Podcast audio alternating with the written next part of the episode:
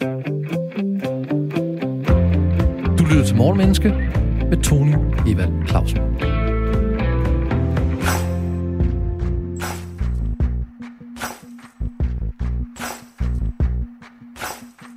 Intet tidspunkt er bedre end nu. 2021 er nu halvvejs, og verden er i den grad forandret det seneste år. Coronapandemi, restriktioner, OL og en sommerferie mere i Danmark end udenfor. Hvad kan vi lære af de store og små nyhedshistorier, aktuelle begivenheder og tendenser? Og hvad kan de ting, der er sket, fortælle os om os selv, adfærd og psykologi? Ambitionen i Morgenmenneske er at gøre både dig, gode lytter, og os selv klogere på mennesker og adfærd fra morgenstunden. En mental morgengymnastik, hvis mål er at udfordre vores, altså din og min, vilje til at gå på opdagelse i mennesket, i beslutninger og handlinger. Du og jeg har selskab af en eller flere morgenkloge gæster, der både har en mening og en viden, der kan belyse de psykologiske og adfærdsmæssige baggrunde for aktuelle emner og begivenheder. Og så i øvrigt godmorgen og velkommen til Morgenmenneske. I dag handler Morgenmenneske om motivering over for demotivering. Det kom som et lyn fra en klar himmel. Nedlukning. Og pludselig skulle hverdagen omstruktureres nye rutiner, nye måder at arbejde på. Og jeg var selv lukket inde sammen med min fireårige datter i seks uger. Og efter en tid er det forholdsvis trivielt at lave gentagelse på gentagelse for at aktivere hende, og på ingen måde en kritik af, at jeg fik lov til at opleve min datter 24 timer i døgn. Mere fordi jeg er ret uøvet i at aktivere hende her over en hel dag. Og min fantasiløshed gjorde, at vi gjorde det samme dag efter dag. Til hendes glæde, sådan er børn vel, og min store irritation. En trivialitet, øh, der var krydret med Zoom-møder, der også ret hurtigt mister sin glans, og så blev det i stedet et onde, det her med, at vi skulle mødes på Zoom-møder og arbejde hjemmefra. Det var nødvendigt, og men for mig lidelsesfuldt, fordi man ikke kan mærke mennesker på samme måde over en internetforbindelse. Coronanedlukningernes åbning og lukning gjorde, at mange af os mistede motivation, mens andre fik mere motivation. Hvad er nøglen til at blive motiveret? Hvordan undgår man at blive demotiveret? Og kan man overhovedet finde motivation i gentagelse på gentagelse? Disse og sikkert mange andre spørgsmål kan vi måske få svar på af programmets engagerede, energiske og forventeligt eftertænksomme gæst, nemlig Arne Nielsen, tidligere roer, verdensmester, OL-sølvmedaljevinder og med 74 danske mesterskaber bag sig. Nu er han certificeret coach og foredragsholder om blandt andet arbejdsglæde og viljen til sejr. Velkommen til, Arne. Tak skal du have. Flot intro. Lad os starte med at definere termerne. Jeg har slået motivation op i ordbogen. Øh, der står der tilskyndelse til at handle på en bestemt måde. Mm. En begrundelse for at handle på en bestemt måde. Og demotivation står defineret som mangel på engagement, interesse og lyst til at gøre noget i en bestemt sammenhæng. Og Arne, jeg kunne godt tænke mig at åbne vores samtale med dig og med et citat af Colin Davis. Og han har sagt følgende, bare lige for at høre, hvad dine tanker om det er. Vejen til succes og vejen til fiasko er næsten nøjagtigt den samme. Hvad tænker du om det? Øh, ja, altså, lige når man hører den, tænker jeg, det, det, det kan jeg ikke helt genkende. Men hvis man tænker efter, kan der ligge noget i det.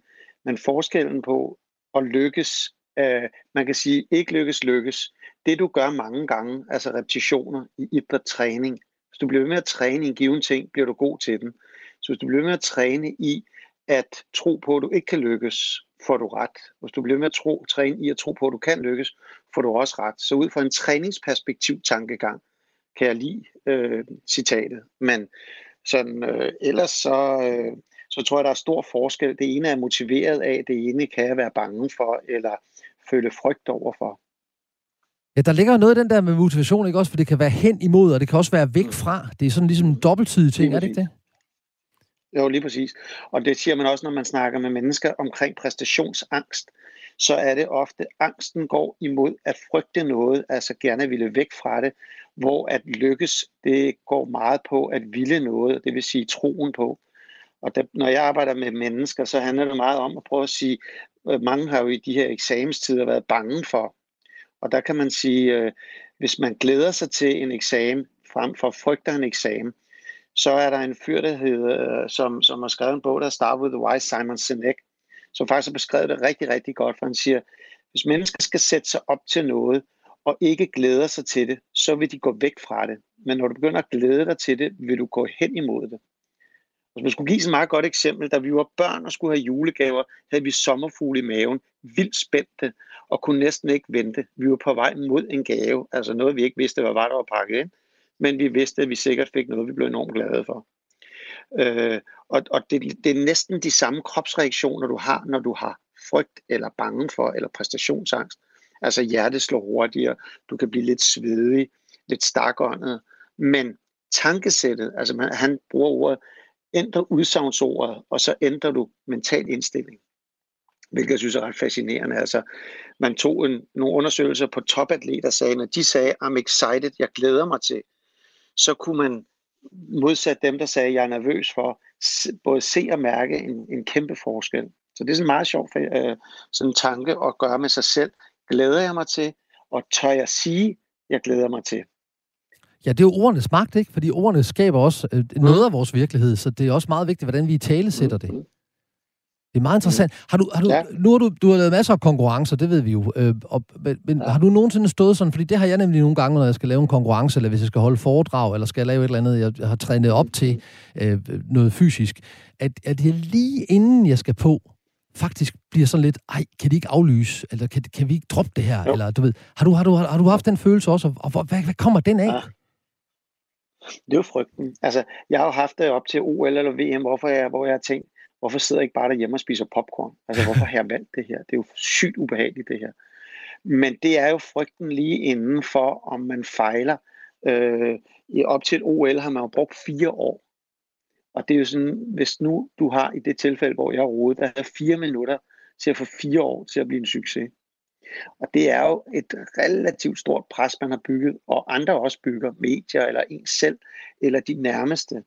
Og der kan man godt få den der, hvorfor gør jeg det her? Øh, men når man så er lykkes bagefter, så bliver man jo så lykkelig og tænker, det er klart, jeg gør det her. Hvis det ikke lykkes, kan man i en kort periode gå rundt og være frustreret, indtil man finder ud af, hvorfor man ikke var lykkes. Og så kan man genskabe en motivation.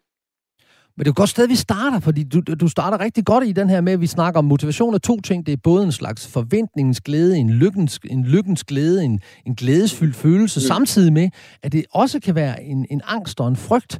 Øh, frygt for andres og reaktion, angst for egen præstation. Så det er hen imod og væk fra det. Og det er jo meget interessant, at vi ofte taler om motivation som hen imod, mere end, end væk fra. Ja, det er jo det. Mange de bliver frustreret, fordi de føler sig alene. Jeg har jo mange, der kommer, og så siger de, Arne, jeg er den eneste, der har det sådan her.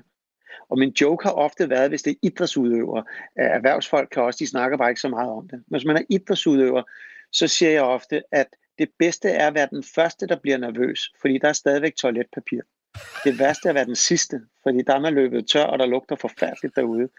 Så alle får nogenlunde de samme reaktioner, når man bliver nervøs. Altså, øh, nogen kalder det, at man skal nervetissepisse, og, og andre, der skal det altså noget større til, fordi at man har så meget uro i systemet. Øh, men det er ikke odiøst. Det der er, det er, at vi ikke får det i tale sat og føler os alene om det. Altså, at vi er anderledes eller forkert på det. Og, øh, og der tror jeg, at det, det er sådan en, altså det, det, jeg tror, det, det langt største delen, som tror, det er unormalt at have præstationsangsten, fordi ingen taler om det, og vi faktisk ofte i tale sætter det som om, at man skal glæde sig. Altså det, du lige sagde, det der med, at man kan tænke, shit, bare jeg var syg, eller hvorfor er jeg her, eller hvorfor spiser jeg ikke bare popcorn? Altså det der, det, det er ikke legalt at sige, specielt ikke når man står med medaljen eller succesen bagefter, så var det jo, ej, jeg glædede mig også, jeg troede, det kunne lade sig gøre. Vi laver nogle gange historien om, fordi den lyder godt. Mm.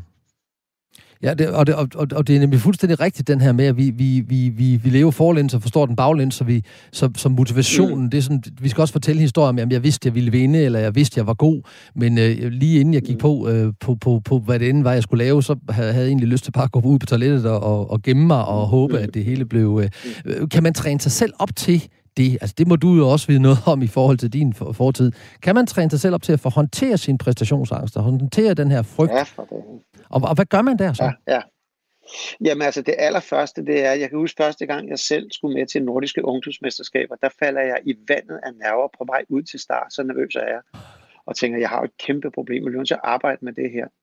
Fordi nerverne var så meget, altså, øh, og, og, og der var, jeg følte, der var så meget på spil, hele verdens øjne hvilede på mig, og det var nordiske ungdomsmesterskaber, det var måske maks mine forældre, der gik op i, hvordan det gik. Mm. Men det føltes ikke sådan. Og der vil jeg sige, der er sådan flere ting, der virker forskelligt fra menneske til menneske. En af dem, jeg selv nogle gange har brugt, det er, der er en milliard kineser, der er hammerne bedøvende ligeglade med, hvad jeg gør. Slap nu af. Altså, der er flere mennesker i verden, der er fuldstændig ligeglade, og verden går videre. Og når man har prøvet at blive nummer to, eller tabe, eller ikke lykkes, finder man jo ud af, at verden rent faktisk går videre. Og øh, det er kun ens egen selvopfattelse, der kommer på spil. Ikke? Så, så det ene, det er, at jeg synes, noget af det bedste, det er at bruge den der I'm excited, jeg glæder mig til, jeg er spændt på, jeg er nysgerrig, hvor bliver det spændende at se. Jeg laver også ret mange foredrag. Og noget af det, jeg øh, stort set hver gang, og jeg laver måske 150 foredrag om året, hver gang har jeg kriller i maven, inden jeg skal på. Og jeg ved, det er min ven. Altså, så jeg siger, hey, adrenalinen er der, jeg har spænding, jeg glæder mig. Og det har altså gjort en kæmpe forskel. Jeg gjorde det ikke altid som atlet, for der synes jeg ofte, at jeg fik i tale sat, jeg er nervøs, var nervøs. Men det kan gå alligevel. Og så er der den, der måske er knap så populistisk igen, det er, jeg har altså vundet relativt mange VM og DM på vrede. Jeg skal sætte mig vise dem. Og den har også, altså det der med, man, hvis man var til eksamen, gik ind og sagde, nu skal jeg vise sensor, eller min lærer, eller mine forældre, eller min kæreste, kan have en effekt. Øh, så jeg bruger ofte den der, du kan lykkes med vrede og glæde. Det sværeste, det er ked af, frygt, øh, øh, eller manglende på tillid til sig selv. Ikke? Altså det er de værste følelser. Og de kan trænes som alt muligt andet. Og hvordan, og hvordan gør man så det, hvis du sidder og lytter nu, der, der, der, der, der sidder og tænker, åh oh, ja, den, det, han har fuldstændig ret, han rammer den lige nøjagtigt der, hvor jeg også er. Hvad, hvad, hvad, hvad, kan, vi, kan vi lave sådan lidt online coaching, eller hvad skal vi sige, radio coaching ja. her? Vil du være med på det, og så give nogle gode råd til ja, vores, ja, ja, vores lytter? Ja, ja, ja. Så tæller du rådene, så prøver jeg at komme med dem. Check. Det kan være dealen, ikke? Godt. Altså, det aller, aller første, det er ændre udsagnsordet. Altså, ændre, hvad du synes om det, du skal. Det vil sige, jeg glæder mig til, det er spændende, øh, det, det bliver øh, udviklende. Altså, at jeg får en positiv udsagn. Sig det gerne højt eller til dig selv, øh, vil være aller, aller første step. Så er åndedræt. Det er det, altså i radioen havde man engang et program, der hed De ringer, vi spiller, hvor man kunne ringe ind. Og endetallet, hvis det var ulige, så var det et svært spørgsmål, og folk panikkede fuldstændig. Så brugte ham, der hed Jørgen Jorting, et fedt begreb, der hed giv klappen ned. Og det øh, blev jeg fascineret af at prøve at undersøge, findes der overhovedet en klap i hjernen, hvilket der ikke gør. Men en af sandhederne er, at når man bliver nervøs, glemmer man at trække vejret, det vil sige, uden ild tænker du knap så skarpt. Så alle har prøvet at sidde et eller andet sted i en hestesko og skulle præsentere sig selv, altså sit navn. Ja. Og med sikkerhed, man har ikke hørt, at der var før en. Altså hvis der sidder fem før en, man har overhovedet ikke hørt, hvad I hed. For man har siddet og spekuleret så meget over, hvordan man skulle sige, hvad man hed. Og ikke fordi man glemmer, hvad man hedder. Det er ikke fordi, man ikke kan sige, hvad man hedder. Men man har glemt at trække vejret af nerver for, at nu skal jeg på lige om lidt, og jeg vil gerne gøre det godt. Og der bruger vi altså et begreb, træk vejret gerne helt ned i maven. For når du ilter systemet, så får du mere klare tanker. Og man ser det meget i 50 meter svømning eller 100 meter løb, at de står faktisk og laver overdrevne åndedrætsøvelser for at ilte muskler øh, og systemet, for ikke at gå kolde, altså blive, komme i iltgæld. Og det er, det er noget af det samme, når man skal ind og præstere. Så glæde sig til, og så det her med at trække vejret. Nogen, når de skal hen til en præstation, de er nervøse for, går alt for hurtigt. Gå langsomt. Sæt tempoet ned, for dig selv med. Jeg kalder det nogle gange, at man går fra sig selv. Altså man har slet ikke sig selv med. Så man kan næsten kun gå for hurtigt, men næppe for langsomt. Tal langsomt. Altså det der med at sætte tempoet ned, for sig selv med, giver denne her ro også i systemet. Øhm, så, så det er sådan øh, nok de mest sikre øh, omkring det her med at skulle præstere. Så det blev, en, det blev en liste på tre ting. Du skal ændre udsagnsordet, du skal glæde dig til, du skal i tale sætte, at det er noget, der er glædesgivende eller spændende for dig. Du skal trække vejret, du skal have fokus på at åndedrættet, gerne helt ned i maven, og så skal du handle og tænke og gå og tale langsomt. Du skal skynde dig langsomt. Du skal sætte tempoet ned, fordi ellers så får du ikke dig selv med. Det er da gode råd. Det lyder da rigtigt, det her. Okay. Ja, coaching i radioen. Coaching i radioen. And free of charge. yeah, free of charge, ja. Du lytter til Morgenmenneske på Radio 4. Programmet, hvor vi dykker ned i menneskelig adfærd og psykologi med afsæt i et aktuelt emne og ser på, hvad du og vi kan lære af det som mennesker og samfund. I dag taler vi om motivering over for demotivering, og til at gøre os klogere på det, har jeg en dedikeret, deltagende og meget dygtig gæst med, nemlig Arne Nielsen, tidligere verdensmester, coach og foredragsholder. Og vi lavede lige sådan en, en, en top 3-liste over, hvad vi skal gøre, når vi skal arbejde imod den her angst, som jo også er en slags motivation, hvor det bare er væk fra, i stedet for hen imod. Og, øhm, og, og, og det er jo sådan online, øh, online radio-coaching her, øh, ganske aldeles public service. Arne, mange har en mening om, hvad motivation er. Nogen siger, at det er sådan noget, man har, og i tale sættes som et valg. Er, er det et valg at være motiveret? Er det sådan noget, man kan vælge? Jeg, jeg gad jo godt at sige ja, men alligevel ikke, fordi der er jo nogle gange, hvor man egentlig... Øh, jeg, jeg har selv oplevet, at der er nogle dage, hvor jeg tænker, at jeg er flad, jeg er tom. Jeg, jeg, hvor skal jeg finde det fra? Og jeg prøver, du ved, alle tricksene med at finde ud af, hvad er værdien af, og, og, og sætter mig op, men nogle gange føler jeg, at den mangler. Jeg bruger alle mulige Altså hvis man igen skulle lave sådan en, et, nogle uncoaching, nogle radiocoach-råd her, mm. så vil jeg sige, nogle af mine egne favoritter til at sætte mig op, når jeg nogle gange føler, at jeg ikke har den. Det første, det er musik. Altså bare den jingle, du spiller, det er jo sådan en, hvor man, det, det tror jeg, det er Rag Bowman, I'm ah, det er så godt hørt, Arne. Okay, respekt okay, herfra. Okay, ah, okay.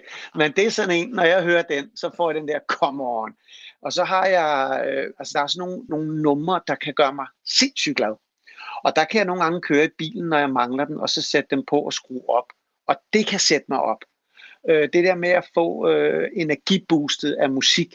Så er der nogle mennesker, som ofte kan gøre mig glade, men de skal jo vide, at de har rollen at sætte mig op til, som jeg kunne ringe til, og så lige sige, hey, øh, lad os lige snakke, jeg mangler lidt energi, jeg mangler lige noget motivation.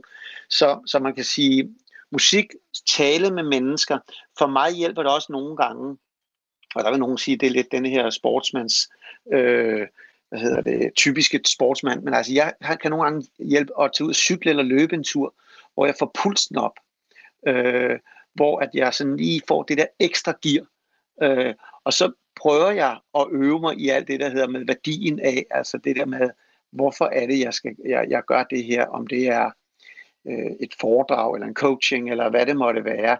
Men, men jeg vil sige, for mig synes jeg personligt, at musik er det, der har haft stærkest effekt på at, øh, at kunne sætte mig op, når jeg virkelig skal præstere. Jeg brugte som idrætsudøver, der havde jeg tre numre, jeg spillede inden en VM eller OL-finale.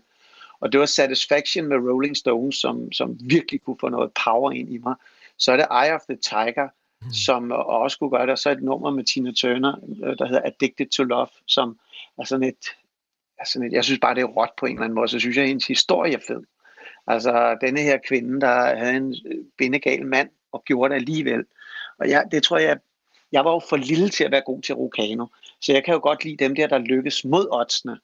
Altså det der med, at man lykkes ikke på, på grund af, men man lykkes på, tro, øh, på trods af. Så, så øh, og der er Tina Turner sådan en på trods af for mig, som synes, hun er sej. Ja, man, vi, det, det kommer også nogle spørgsmål til senere, men nu, nu ligger du selv øh, op til Tina Turner, og jeg, jeg har været i musikindustrien, og der lavede vi øh, på et tidspunkt i øh, den virksomhed, jeg var i, sådan en, øh, ja, sådan en maskine, der kunne gøre, at hvis man sang falsk, så rettede den sig op. Altså, så, så, så kom den i tonelejet igen, og den overvejede vi at kalde Ike Turner. Og det gjorde vi, fordi at, øh, det, han, han, han musik, ja, vi kaldte det så ikke Ike Turner, vi kaldte den Intonator i stedet for. Men, det, men, men pointen var jo, at, øh, at Ike Turner, han jo slog, altså det, det er jo voldsomt veldokumenteret. Når hun sang falsk, så fik hun en på kassen. Øhm, og, og, og, og det tror han jo var motivation. Så det her er sandt. Hun, hun fik sgu Lester i tæsk, hvis han ikke synes, hun sang ordentligt. Det er sandheden. Og derfor er hun så skide god til at synge, fordi i hendes underbevidsthed ligger det stadigvæk, at Ike kommer lige om, selvom han er død, ikke? så han kommer lige om lidt og klapper mig. Og, og, og det, kunne måske, det kunne måske også åbne op for det her med, øh, men det vil jeg godt snakke, jeg vil godt snakke om gulerod og pisk øh, lidt senere, men, ja, men øh, jeg ja. synes bare, det er jo sjovt, når du lige åbnede den op. Ja, det, siger også, det siger også lidt om vores alder, ikke? Fordi jeg kan jo, jeg, altså Satisfaction, After Tiger og Addicted to Love, det er jo alle sammen, øh, skal vi sige, i vores aldersgruppe. Øhm, ja, ja. Er det så... Okay, fordi jeg, vi, jeg møder jo, og det gør, du, det gør du jo også, fordi vi stort set laver det samme, bare i hver vores ende af verden. Men jeg møder jo ledere, virksomhedsledere og også forældre og andre, der sådan siger, jamen, jeg vil gerne have, at mine børn eller mine medarbejdere, de bliver motiveret. Jeg vil gerne have, at de bliver passionerede. De sætter typisk sådan en ligestegn mellem passion og, og, og, og så motivering. De skal, de skal møde op på arbejde, så skal de bare de skal møde op i det her familierum, og så skal de være, især teenager, de, de er ikke motiverede for det. Og de snakker om det, lidt ligesom jeg gjorde før med, at motivation er et valg, at demotivation også er et valg. Ja, og, og den er faktisk meget sjov, fordi jeg bruger det der. Nogle gange, når kropssproget, altså hvis man lader skuldrene hænge, øh, går rundt, og du ved, ligner en, hvor man tænker, nej, et lorteliv, jeg har, så kan man rent faktisk forstærke demotivationen øh, og, og miste endnu mere energi. Og man ser det ofte igen, nu bruger jeg jo meget idræt som, som værende øh, stedet. En idrætsøder, der begynder, der begynder at gå dårligt for, man kan se deres kropsprog falder mere og mere sammen, og til sidst, så ved man, de er færdige. Der er intet at give af. Hvorimod det her med at få energien ind igen, der kan kropssproget også have en betydning. Så, så man kan altså skabe energi på den vej alene, altså ved at få denne her, det her vinderattitude eller vinderkropssprog. Mm. Okay. Så, så det er faktisk rigtigt, altså man, og man kan også gå rundt og overbevise sig selv om, at man er ubetydelig og ligegyldig, og lige, at det er ligegyldigt, man er her. Øh, og, og, og det er jo lige så demotiverende. Øh, jeg læser en bog lige nu, en fyr, der hedder Mark Manson, øh, som handler meget om det her med, at, at øh, alle mennesker har brug for håb. Uden håb har vi ikke et, et, et godt liv. Og det vil sige, at vi må håbe på noget hele tiden. Folk, der bliver syge, der ikke håber på, at de bliver raske, bliver jo endnu hurtigere øh, meget alvorligt syge. Mm. Så håbet er det, vi bliver nødt til at, at, at leve for, og håbe på, at vi kan bidrage til at gøre en forskel, eller bidrage til at skabe noget for andre eller for os selv. Er det, du i virkeligheden taler om, en slags mental hygiejne? Altså en slags rydden op i sin, sit tankesæt og være opmærksom på, hvad for nogle tanker kommer til mig, hvad for nogle giver energi, hvad for nogle, hvad for nogle forholder jeg mig til, og hvad for nogle lader jeg passere? Er det, er det, er det grundlæggende det, du snakker om? vil jeg lave et andet lille sjovt øh, radiotankeeksperiment, som, som hedder, i corona, jeg fik corona i december, og lå med sådan en 14 dage alvorlig syg med 40 feber og konstant hovedpine, og sov 16 timer. Virkelig syg. Og lå og spekulerede over denne her lille en, som jeg godt kunne tænke mig at tage med som eksperiment. Jeg lå og sagde, spurgte mig selv, når jeg ligger og laver, har tanker herinde, jeg lå isoleret, er der så kommet flere negative tanker, Altså hvis vi nu siger, at der findes tre typer tanker. Positive tanker, negative tanker og neutrale tanker. Har jeg så i corona fået flere negative tanker, neutrale tanker eller positive tanker? Og så tænker jeg, klart flere negative. Og jeg tog mig selv i, at jeg ubevidst, altså hvis man nu snakker om, at jeg var ikke bevidst om det, men jeg var blevet ret god til egentlig både i det, der hedder egen indre dialog og ydre dialog, altså tale til andre, at komme med negative sætninger, gående på, i corona alt det, jeg ikke kunne. Ej, hvor galt jeg godt at kunne komme ud og spise, eller kunne rejse, eller se mennesker, eller holde en fest, eller tage på en restaurant, eller gå i biografen, eller tage ned og træne. Altså, jeg var vanvittigt god til det, og jeg blev mere og mere drænet for energi. Vildt dårlig strategi. Og, øh, og det vildeste, det var, at jeg oplevede mig selv på et tidspunkt sige til min kone, som var før corona, at øh, vores børn, vi har, jeg har store børn, og de kommer på besøg sådan nogle gange, altså typisk en gang om ugen. Og det var sådan en tradition på et tidspunkt om søndagen. Og så kommer, kommer de, men jeg synes, de er der ret kort tid. Altså, min kone har gjort meget ud af det, og så er de der et par timer, og så kører de igen. Det synes jeg er meget arbejde for kort tid. Så jeg siger for sjov til min kone, nok gå ved, hvor lang tid vi får lov at have dem i dag, eller gå ved, om de går, før de kommer. Og så tænker jeg, at det at give hende energi, hun har stået og gjort så sindssygt med, hun er enormt glad for, at de kommer hjem. Der er masser, der ikke får dem hjem. Og jeg kunne lige så godt have sagt, hvor er det fedt, vores børn gider prioriteres. Det havde været et energiord. Jeg valgte et drænover. Og det er det, det, det, jeg kalder, jeg var det, der hedder ubevidst inkompetent. Altså virkelig god til at være dårlig.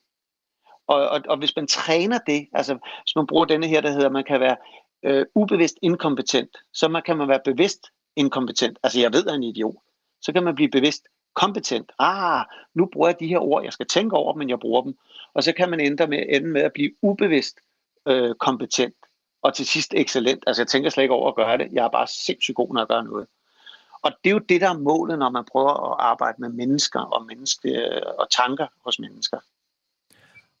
Det, det er et mega godt eksempel, fordi hvad, hvad kigger, vi, kigger vi på? Hvad jeg taber, de er der ikke så lang tid, eller hvad jeg vinder, de kommer det mindste hjem. Altså, det, jeg ved, hvor, hvor gamle er dine børn? 26 og 30, ikke? Ja, så er du altså vel... Ja, det er mega privilegie, ja. de gider komme hjem en gang om ugen. Det er kado til jer som forældre, eller så er de bare vildt godt opdraget, hvad vi har. Men, men, men der, er, det er. Der, der er ja. i hvert fald ikke noget der at være, være ked af der. Ved du hvad, Nej, vi, vi taler meget mere om motivering og demotivering efter nyhederne på Radio 4.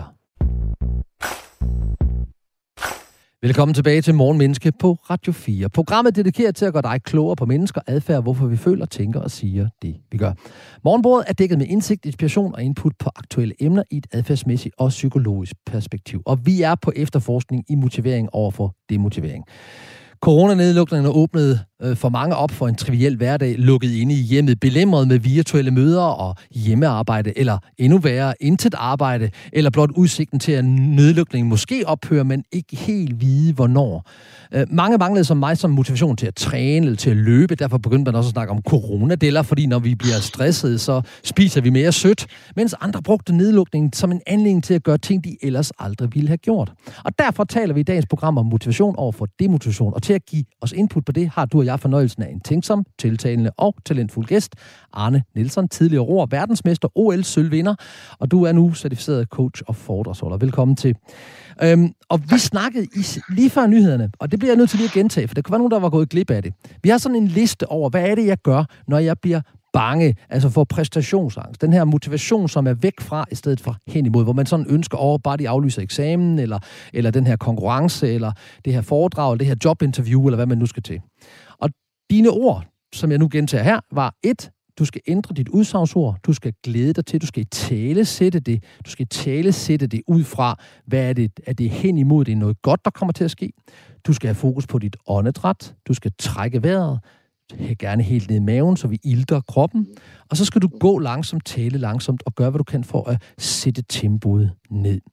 Ikke, ikke nok med det, så sagde du faktisk også, at og er man så demotiveret, jamen så kan man sætte sig op, og en af måderne, du gjorde det på, det var ved at høre musik, Satisfaction med, med Rolling Stones, uh, Eye of the Tiger og Addicted to Love med Tina Turner, som fik en på kassen af Ike Turner. Ej, det, det er underforstået. uh, til at gøre dig glad. Og samtidig, og der, der siger du noget rigtig godt her med, at du, du finder også mennesker, du taler med, som du ringer til eller taler med, mennesker, der gør dig glad. Og så gjorde det også det, at du sådan, øh, satte pulsen op. Du, du, øh, du sørgede for ligesom at få pulsen op, fordi det, med en højere puls, og det er faktisk også videnskabeligt vist, der kommer der også energi. Så selvom vi sætter som sofa-kartofler hjemme, løber man en tur, eller træner man et eller andet, gør man et eller andet aktivt, så får man faktisk også mere energi. Godt. Det var, øh, det var dagens uh, coaching direkte i radioen her på Radio 4. Du hørte det hos os først med uh, verdensmesteren Arne Nielsen. Arne, nogen taler mm. om pisk eller gulerod. Altså, øh, jeg har læst en hel del bøger, også om motivation og sådan noget, og der er nogle trænere, især sådan i den fysiske træning omkring sport, de siger, at det der med straf, det er lidt træls, men det virker. Er det rigtigt? Mm. Virker straf? Ja, kort vej. Altså det virker jo, fordi man snakker om et begreb, der hedder trigger. Trigger, det er sådan nogen, der sætter sig i kroppen, både godt og skidt. Da jeg var barn, så gik jeg blandt andet, var jeg på feriekoloni på Bornholm. Der er også nogle, en grænskov for at komme ud til vandet. Og når jeg går i en grænskov i dag, så er det en trigger tilbage til en lykkelig barndom. Og det er jo sådan et, en god trigger. Mm. Men vi har jo lige så mange, og jo ældre vi bliver, får vi også negative trigger. Det kan være netop en træner, der svinede os til over et eller andet. Det kan være en øh, voksen, der ikke tænker. Da jeg var barn, kan jeg huske, at jeg engang kom til at, altså, jeg synes, det var skide sjovt at lave snibolde, og nogle gange puttede vi en sten ind i den, så blev den lidt hårdere. Så rammer jeg på et tidspunkt en bil, og så er der en mand, der kommer ud, jeg er måske 8 år, og går fuldstændig amok. Hiver mig i øret ind til mine forældre og forklarer, hvor, og jeg kan godt se det, når jeg sælger bil i dag. Altså, det er pisse irriterende at få en bule i bilen, fordi en eller anden lille møgeunge skal kaste en snibbold. Men, men triggeren sidder der jo, at, at der er nogen, og det er sådan, dengang var ikke ret stort, nogen stadigvæk ikke så meget, men, men en kæmpe mand, så store mænd kan nogle gange skræmme mig, fordi triggeren ligger der. Mm. Så jeg har du ved, vi har så mange trigger, og skideballer sætter sig som trigger. Du kan godt få bedre adfærd ud af det, men det har en pris. Og, øh, og nogle gange så siger vi jo, at vi danskere, vi nogle gange er for flinke, fordi vi sådan, du ved, roser os selv til en succes. Men jeg vil jo hellere, når jeg skal få mennesker til, mennesker til at ændre adfærd, sætte positive trigger ind hos dem, end for mange negative trigger. Jeg tror, at vi mennesker straffer os selv langt hårdere, end hvad andre reelt kan straffe os. Så giv yderligere straf. virker ikke særlig hensigtsmæssigt. Øh, men det er rigtigt, altså ens fiaskoer, man glemmer dem jo aldrig nogensinde, men, men, men de sidder der, du ved, som en trigger, der bliver trigget af et eller andet, som, som måske kunne have været gjort anderledes, hvis vi havde, hvis vi havde måske, altså jeg, og, og det her, det er et måske, fordi det kan være, at forskning om 10 år viser, at det var den eneste rigtige måde at gøre det på. Jeg synes bare, at prisen er høj. Og jeg har ikke set nogen ikke betale en høj pris for, at, for at vi bruger øh, straf. Øh, vi, vi hører det også tit fra, fra politikere. Vi har hør, jeg hører det tit fra erhvervsledere. Det må du også gøre, det her med, at hvis vi nu uh, sætter en, en forventelig straf op, så bliver de motiveret uh, væk fra straffen, og dermed hen imod den adfærd, vi gerne vil have. Uh, rent statistisk kan man sige, at fængselsstraf virker ikke særlig godt, hvis at vi kigger på effektivitet. Og når jeg så kigger på fastholdelse af medarbejdere, eller fastholdelse af børn, nu omkring teenager, så har jeg jo også opdaget, at hvis jeg gerne vil have dem, at de skal komme og besøge mig en gang om ugen, som nogen af sig vil sige ned med, når de har så store børn, som du har, øh, så er det nok bedre, at de associerer hjemmet til noget positivt, end til noget negativt. Præcis. Og det er et godt eksempel. Ja, og, og hvad kunne vi give? Altså dem, der sidder derude nu og tænker, at du får en fyreseddel, hvis du ikke gør det her, eller min, mm. min, mine børn skal vide, at så bliver de få det stuearrest. Hvad kan vi give dem et omvendt ja. råd, sådan til at sige, hvad, hvad er bedre at gøre? Det er jo netop værdien af, ikke? Altså, hvad opnår de ved det? At det allerbedste, vi mennesker, vi, vi kan godt lide at lave feel good. Nu kan man sige, at øh, jeg er rigtig glad for, at det her det bliver optaget, fordi jeg har sjældent fået så meget ro, som det, du har givet mig undervejs. Det er jo en positiv trigger. Det vil sige, at næste gang jeg bliver spurgt, vil du i radioen, Arne, så vil jeg jo sige, ja, det kan jeg da love dig, jeg vil, fordi jeg prøvede det, og det var en totalt fed oplevelse. Hvis nu det havde været, at du havde siddet ej og udfordret mig og skældt ud, og det er en mærkelig måde at se det på, så er jeg jo næste gang blevet spurgt og tænkt, nej, jeg skulle sgu ikke ske i radioen alligevel, det var ikke særlig god oplevelse. Så det er jo et godt eksempel på nogle simple ting, altså fang hinanden i at gøre det rigtigt, mere fang hinanden i at gøre det forkert. Mm. Altså når jeg får en følelse af, at jeg gør noget godt, så stiger min energi, min kreativitet, og jeg giver endnu mere mig selv. Altså når man går ud på en foredragsscene, og man så møder de her, der sidder og nikker og, og, og er med en og griner, når de skulle grine, så bliver man jo høj, og man giver endnu mere af sig selv. Jeg tror faktisk, det var Dirk Passer, der engang sagde, hvis publikum vidste, hvor stor indflydelse de havde på den, der står på scenen, ville det være langt mere bevidste om at gøre os gode. Altså jeg bruger et begreb, der hedder spille folk gode. Mm. Og det vil sige, at, at som Dirk Passer sagde, jeg er jo sindssygt virkelig over, om de griner, når de skal grine, og om de er med. Og når de er med, så fatter de ikke, hvor meget Dirk Passer de får. Men når de er imod, så forstår de ikke, hvor lidt Dirk Passer de får. Og der synes jeg, det er lidt sjovt, for jeg mener faktisk, det var ham, der sagde engang, når man tager til udlandet og optræder, og det gjorde han måske ikke særligt, så det var nok ikke ham, men når man tager til udlandet og optræder, så klapper folk som sindssyg, inden man kommer i gang. Men i Danmark, så klapper vi måske bagefter, hvis vi synes, det var okay. Altså det der med, klapper man folk i gang, giver man et godt fundament, så man er flyvende, når man kommer i gang. Eller er det, jeg skal gøre mig fortjent til, og jeg er ikke sikker på, at jeg får. Altså det er hele præstationsmiljøet, hvordan skaber vi det på den bedst mulige måde. Det var Victor Borge, kan jeg så fortælle dig, som jeg husker det, det i hvert fald. Det, det er ja, nogen, der det, gerne må tjekke efter, rigtigt. men det, det var Victor ja, ja, Borge. det er jeg enig Det lyder rigtigt. Det, det, han var en klog mand. Han var nemlig en klog mand, og jeg vil også gerne lige, bare lige understrege, fordi jeg er jo fuldstændig med dig på det her, at øh, den eneste grund til, at jeg roser dig, det er, fordi det er, det er mega god radio. Altså, fordi jeg roser dig ikke, fordi du er dig. Det er, fordi det her det er skide godt for vores lyttere.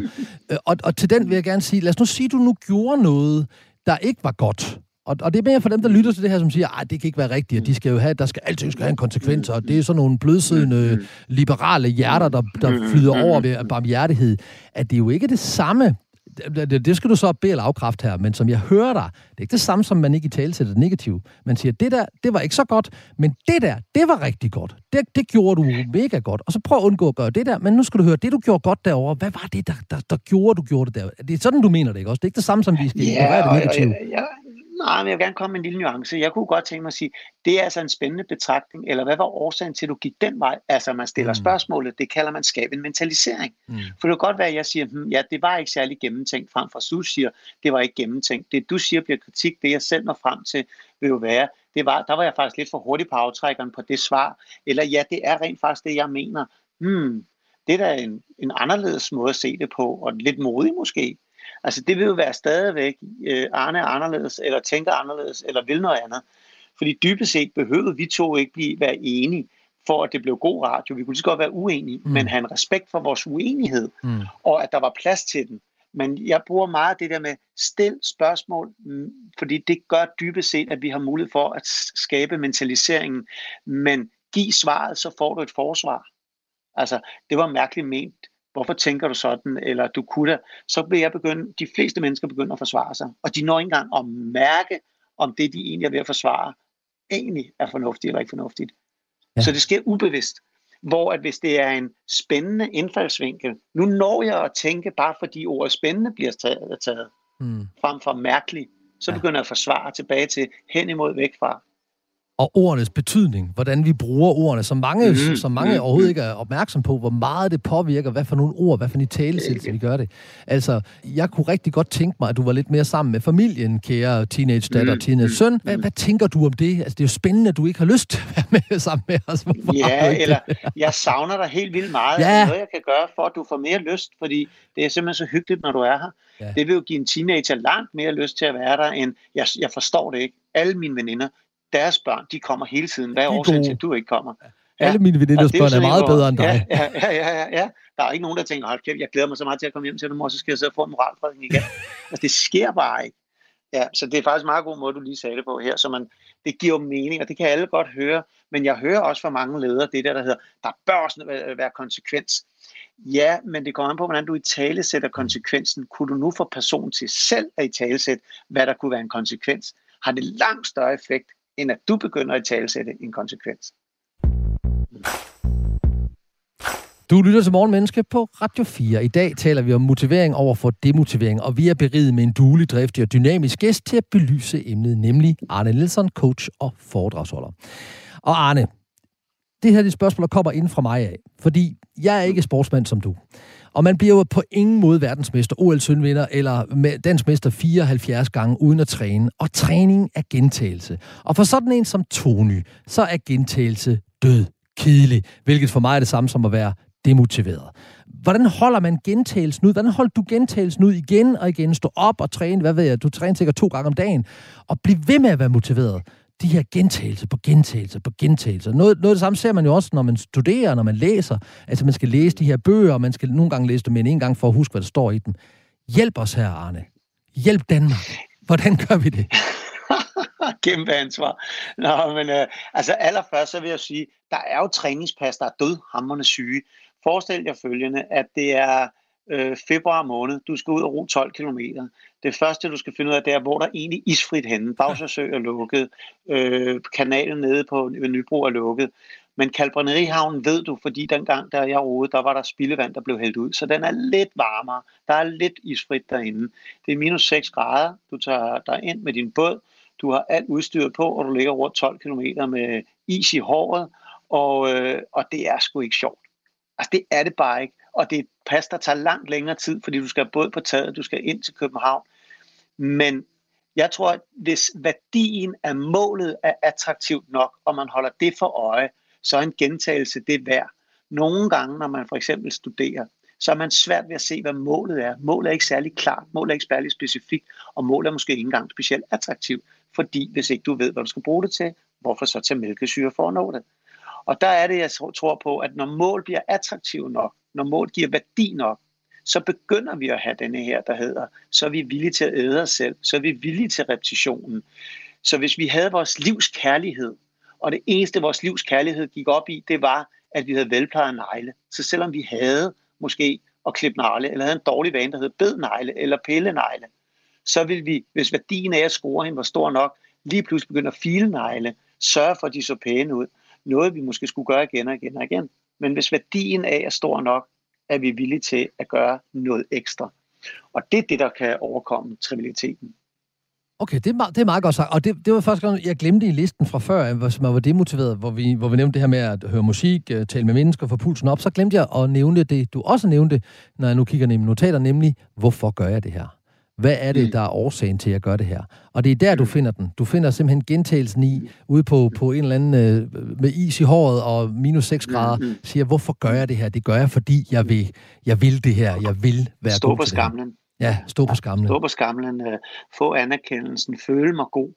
Og det er det, der gjorde, at... Øh, og så for mig, der gik det ofte på rekorder. Altså, kunne jeg være den, der... Hver eneste gang, jeg har vundet en distance, har fået at vide, ah, men måske kan små mænd... Jeg er jo alt for lille. Jeg er 1,72 vejet, da jeg var i bedst form, lige under 60 kilo. Det er for lille. Man er to meter høj og vejer 100 kilo i en kano. Men det at have motivation til at se, hvor langt jeg kunne komme, og da jeg så vandt VM sammen med Christian Frederiksen, min makker, på 10.000 meter, så var holdningen, han var heller ikke så høj, øh, så var holdningen, om måske kan små mennesker godt ro 10.000 meter. Så blev vi verdensmester på maraton, så var det måske kan små mennesker godt ro langt. Så blev vi verdensmester på 1000 meter, okay, måske kan små mennesker ro to orkaner. Og så blev jeg så verdensmester alene også to gange, og så sagde man, okay, små mennesker kan godt ro kano. Men det tog filme lang tid at overbevise. Og det drive at skulle vise, at både mig selv, men lige så meget andre, det var en enorm motivationsfaktor. Ja, fordi det har jeg læst mig til øh, op til øh, at snakke med dig i dag, at på, på, på Wikipedia står der om dig, at øh, du startede din, din, i din rokarriere, der blev du spået små chancer for succes, fordi du kun mm. er 1,73 høj. Så altså, det virker med et småt menneske, men det kan selvfølgelig godt være, at det er det for nogen. I kano er du meget lille. Fordi det er jo ofte i kano er større mennesker, der, der, der gør ja. det godt. Så var det den her trods, var det også en motivation, når du kom ud i, i, i februar måned og skulle ud på isen og slå hul i den og have is i håret og minus 6 grader, at tænkte, jeg skal vise dem. De skal ikke sige, at jeg er for lille. Jeg tror mest, det var i konkurrencemomentet, men jeg vidste, at det var en forudsætning, hvis jeg ville stå på den skamme, hvis jeg ville have den succes, at så var det ikke til diskussion at stå op kl. 6 om morgenen for at ro. Altså det var en nødvendighed. Øh, og det samme er det i dag. Folk de undrer sig. Jeg træner stadigvæk stort set hver dag. Og det er øh, typisk 6.45. Og der er jo mange, der siger, hvordan kommer du op, og du gør mm. det alene. Men jeg, jeg tror ikke engang, det blev, det blev så meget en livsstil. Altså jeg tror jo på, at hvis jeg holder mig i god fysisk form, så tror jeg på, at jeg skaber i løbet af dagen til det, jeg skal lave. Og jeg elsker at lykkes i dagligdagen med de små ting. Og hvis jeg ved, at jeg bliver skarpere af at holde mig i form, så er det en pris, jeg er villig til at betale for succesen ved at være skarp. Det andet, jeg tror på, det er, at hvis jeg har en krop i god fysisk form, så er der en sandsynlighed for, at jeg får et længere og bedre liv. Mm. Og det er en lige så stor motivation, så jeg har både en kort why, altså hvorfor, og et langsigtet hvorfor. Og de to ting gør, at diskussionen mm, er der selvfølgelig nogle morgener, hvor jeg tænker, øh, jeg gider ikke. Men, men jeg synes hurtigt, jeg kommer forbi dem, og jeg tror igen, hvis man først træner i at pjekke, bliver man ret god til at pjekke. Hvis man træner i at gøre det de dage, man ikke gider, bliver man god til at overvinde de, de dårlige dage vejen til helvede er brolagt med, øh, med masser af gode undskyldninger for, hvorfor jeg ikke lige kom afsted. øhm, jeg, jeg bliver også nødt til lige at sige også til lytterne, at det ikke alene noget, at Arne behøver at tro på det her med, at han bliver skarpere, hvis det betyder kognitivt, altså tankemæssigt, du bliver skarpere. Øh, fordi det ved, øh, alt, alt, det ved vi faktisk, det er, så, så, det er næsten et faktum, i hvert fald ifølge videnskaben, at når man laver fysisk træning, så bliver man også hurtigere op i hovedet, man får større klarhed i hovedet. Så jo større og bedre form man i, jo mere klart kan man tænke, men de øh, hjernemedceller, man nu er blevet be, begavet med. Mm. Okay, godt. Så trods var også noget af det. Så du snakkede også lidt tidligere om vrede, at den her vrede, den her mm. trods, de her, de her stærke mm. følelser. Hvor typisk associerer vi jo vrede til sådan en negativ følelse. Men det er jo kun et spørgsmål, hvordan det bliver udlevet, ikke? Fordi hvis vreden gør, at jeg rejser mig op og, og, og hopper længere eller roer længere, så, det, så bliver den lige pludselig... Altså konsekvensen af vreden, vreden bliver i hvert fald positiv. Og det, det er da værd at huske. Ja, der er ikke nogen, der sådan... Men det er også noget, man heller ikke siger, når man har vundet, at jeg var så skide vred. Øh, Altså, jeg, første gang, jeg bliver verdensmester ved min kone skilles aften før. Og øh, de er i Canada, og hun vil bare hjem, hun vil slet ikke være der. Øh, fordi hun, blev, hun føler sig nok overset, fordi når man er til et VM, eller når jeg er til et VM, så går jeg ind i mig selv. Og så bliver jeg ikke så social, og det, hun føler sig utryg og usikker på mig. Så hun bliver jo sådan, det gider jeg ikke at være en del af, og så vil jeg fandme hjem. Og, og jeg var ked af det, og sagde, hey, og jeg har trænet et år til det her, og det, det er første gang, du er med, og og det var totalt krisenat. Øh, men næste morgen havde en holdning, fuck hende, nu skal jeg sætte mig ud og vise, at jeg kan det her. Ikke? Og det var måske første gang, jeg fandt ud af, hvor stærk vrede var. Hvor, stærk, altså, hvor god jeg kunne blive på vrede alene. Men det var en vild følelse, og jeg har vundet flere VM på vrede alene. Så kunne jeg blive sur på en eller anden, du ved. Det havde en enorm effekt.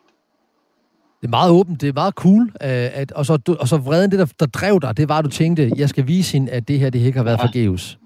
Ja, ja, og så det søde var, at da jeg så kommer ind og havde vundet, så blev hun jo enormt glad. Og så fandt jeg ud af, at hvis jeg bare vinder, så bliver hun glad. det er din trigger. Det er trigger. ja, ja, det er en trigger, ja. Ja, det er rigtigt. Du har simpelthen ja. vundet alle dine mesterskaber, fordi du ikke vil skilles. Det synes jeg da også er smukt. Jeg håber, din kone hører det her. Hun, det er først ja, det nu, det går op for hende, at alt det her, det gjorde ja, han for mig. Nu. Ja, ja, ja, præcis. Det minder mig om en, øh, en bog af en fyr, der hedder Alan Pearce, der skrev om forskellen på mænd og kvinder, hvor han siger, at, øh, at han, han besteg de højeste bjerge og løb de længste ruter og dykkede i de dybeste have, alt sammen for hende, og hun gik fra ham, fordi han aldrig var hjemme. Øhm. det var også ved at ske for mig, så den er sgu god. jeg har, jeg har øh, apropos alt det her med, nu bliver vi også nødt til at snakke om, at vi, det, det gjorde du jo også det her med februar måned, is på vandet, øh, is i håret, minus 6 grader, op hver morgen og løbe, løbe eller ro, eller hvad du nu gør. Og jeg læste om en elitesoldat fra Navy SEALs, der, der beskrev, at måden han kom igennem den her meget krævende uddannelse på, som jo både er mentalt og fysisk enormt krævende, det var, han, han, han sagde, you have to embrace the sock. Og, og jeg ved sgu ikke, om, om den bedste op, oversættelse, det er, at man skal omfavne lorten. Du må da også på et tidspunkt sådan have været så demotiveret. Omfavnede du også lorten der, sådan at jamen, nu, nu elsker jeg det her. Nu, nu er det is i håret og, og minus 6 grader. Jeg, jeg, jeg vælger at elske det. Ja, jeg tror egentlig, det fra noget, noget tid efter, at jeg i virkeligheden fandt ud af, øh, fordi lige når man kan være i det, kan det være svært, der gør man det bare uden egentlig at stille spørgsmål. Men bagefter tænker jeg, kan var det egentlig vildt, og nogle gange kan jeg da godt savne den tid, hvor at man lå der og gjorde noget, der var lidt sindssygt, når man tænker over det. Altså når man tænker på, hvor mange timer jeg har rodet rundt nede på Bagsø Jeg tror, Emil Thorup regnede det ud til, at jeg rodet tre gange jorden rundt. Altså på, på, på, på stort set den samme sø, der er sådan to kilometer lang så er det jo sygt mange gange, man lever ud frem og tilbage der. Og det er sådan lidt sjovt at tænke. Altså, men, så, så nogle gange kan jeg godt savne det, men der er der mange gange, når man var i det, så var det bare, åh oh, fuck, hvor er det hårdt, ikke? Pres. Øh, for, og, igen det der, hver gang man skulle ud og træne, så blev der taget tid på en. Man blev vurderet konstant, ikke? Det kunne godt føles hårdt. Men omvendt, så blev det en del af, af livet. Og, og i dag, der kan jeg jo godt lide, at, at det er derfor, jeg har valgt fordragsverdenen og coachverdenen. Der bliver du målt og vejet også igen stadigvæk. At du er aldrig bedre end dit sidste foredrag? Nej, det er du ikke. Nej, det er man ikke. Og, og en gang imellem, det ved jeg ikke, dør du nogle gange som et fjols under bodegalammen skær på et foredrag? Jamen altså, jeg synes jo ofte, når jeg kører derfra, jeg er jo super kritisk. Jeg får altid okay. rigtig flotte evalueringer. Men hver gang, jeg, jeg tror, der er, hvis, hvis, jeg, hvis vi siger, at jeg laver 150 foredrag, jeg har gjort det i 35 år, så er det blevet til nogle stykker. Hvis du siger, at øh, der er måske fem gange samlet set, jeg kørte derfra og sagde, den sad i røven. Fuck, hvor er jeg god. Og der er ringet til min kone og sagt, at jeg var genial i dag. Det kunne ikke blive bedre. Men det er måske fem gange ud af alle de foredrag, jeg har lavet. Ellers så er der altid et eller andet, nej, jeg skulle holde en pause mm. der. Nej, jeg skulle have gjort det der der. Nej, jeg skulle have gjort det der. Og, og selvom kunden synes, det er det bedste, de nogensinde har fået, så er der altså nogle gange, hvor jeg tænker, at det kunne have været endnu bedre. Men det tror jeg, fordi jeg altid sætter barn sindssygt højt, og nogle gange nok også for højt, og er for hård ved mig selv. Men jeg tager jo ikke ud og laver job nødvendigvis bare for pengenes skyld, fordi det tænker jeg slet ikke over. Når jeg tager derud, så er det for at løfte mennesker. Mm. Og det vil sige, det er det, jeg går op i, og det er det, jeg måler mig mod. Kunne jeg løfte dem endnu længere? Kunne jeg have givet endnu mere? Der, der er noget, der undrer mig coronaen er over, eller det ved jeg ikke, om den er, men vi er i hvert fald ved at åbne op. Masser af mennesker har siddet derhjemme og arbejdet, og, og startet med at glæde sig til at komme på, tilbage på arbejde. Men nu ser jeg, at der er nogen, der sådan er lidt modvillige ud at komme tilbage til verden. De, de, ligesom, de er ligesom blevet sådan, og jeg er sgu ikke så glad for, jeg ved ikke, om jeg har lyst til at gå på arbejde alligevel, og kan jeg ikke bare blive siddende herhjemme, og nu har jeg fået nye rutiner. Kan vi sige noget til dem om at åbne, op, åbne sig op mod verden og blive motiveret for at gå ud og opleve verden igen? Jamen altså, man kan dybest set sige, at vi er jo vane dyr, vane mennesker. Vi elsker noget, og da hvis corona startede, der havde vi jo en holdning, der hedder, nej, hvor bliver det besværligt, jeg skal lære Teams og Zoom, og altså tingene ser anderledes, eller virker anderledes. Jeg kan huske hjemme hos mig selv, så er min kone lige blevet arbejdet hjemmefra, og jeg har kontor hjemme. Men når jeg skulle op bare og hente noget vand, eller en kop kaffe, eller et stykke brød, så sagde hun, du larmer. Så jeg, du sidder i et åbent kontormiljø til dagligt, og så kan jeg ikke hente en kop kaffe eller noget. Altså, nu må du lige stoppe. Og, og hun blev altså lydfølsom, bare fordi hun rykkede hjem. Og, øh, og, og det, skulle vi, det var sådan nogle ting, vi skulle vende os til. Men så fik man lige pludselig det der med, at man kunne spise frokost sammen, og så blev det hyggeligt. Mm. Så det vil sige, hver gang den der forandringsparathed, og der er sådan en sød historie, jeg håber, jeg lige kan nå at fortælle, det er omkring vores dobbeltmoral. Fordi når, hvor, hvis alle os, der har haft børn, eller har børn, når de skal i skole her efter sommerferien, første skoledag, så glæder de sig som sindssyge op til den. Men dagen før eller om morgenen, når de skal afsted, så er de lidt betuttet, en lille smule presset, og sådan, ah, jeg har ikke lyst, jeg vil hellere, kan vi ikke blive hjemme? Og så kommer fars og mors fantastiske overtagelsesevne, der hedder, glæd dig skat, du skal møde helt nye mennesker. Mm. Du skal lære så mange spændende ting. Det bliver dog fantastisk. Men når mor eller far skifter job, og den lille siger, glæd dig mor, du skal møde helt nye mennesker, lære helt nye IT-systemer, så er det lige pludselig noget andet. Altså den der forandring i, at vi skal noget andet, lære noget andet fra noget, vi har vendt os til, tror jeg altid, det paradoks vil være der. Men jeg synes igen, man skal ændre udsagnsordet, hvor glæder jeg mig til at komme tilbage og se nye nuancer, få en ny hverdag, fordi den bliver anderledes efter corona. Vi vil alt andet lige se folk få mere fleksibilitet på hjemmearbejdspladser. Vi vil se, at vi også sætter pris på at få de sociale ting tilbage igen. Krammeren, firmafesten, altså alle de ting, som vi ikke har kunnet få. Og således formidlet og forhåbentlig beriget gik vi sammen på efterforskning i motiveringen over for demotiveringen hvor du, gode lytter som jeg, har fået nye indsigter, input og inspiration på emnet, imens jeg har et positivt tillægsord i min bevidsthed omkring mig selv. Jeg trækker vejret dybt, og jeg skynder mig langsomt. Tak til vores kompetente, kommunikerende og koncise gæst, Arne Nielsen, tidligere roer, verdensmester, OL-sølvvinder, certificeret coach og foredragsholder om blandt andet arbejdsglæde og viljen til sejr. Arne, tak fordi du var så åbenhjertig og tog tid til at tale med os i dag. Selv tak, fornøjelse. Du kan få meget mere Morgenmenneske på podcast, der hvor du henter dine podcasts, eller på Radio 4-appen. Programmet er produceret af Only Human Media, og jeg hedder Tony Eva Clausen, og jeg er stærkt motiveret for at blive ved med at hedde det. Vi høres ved.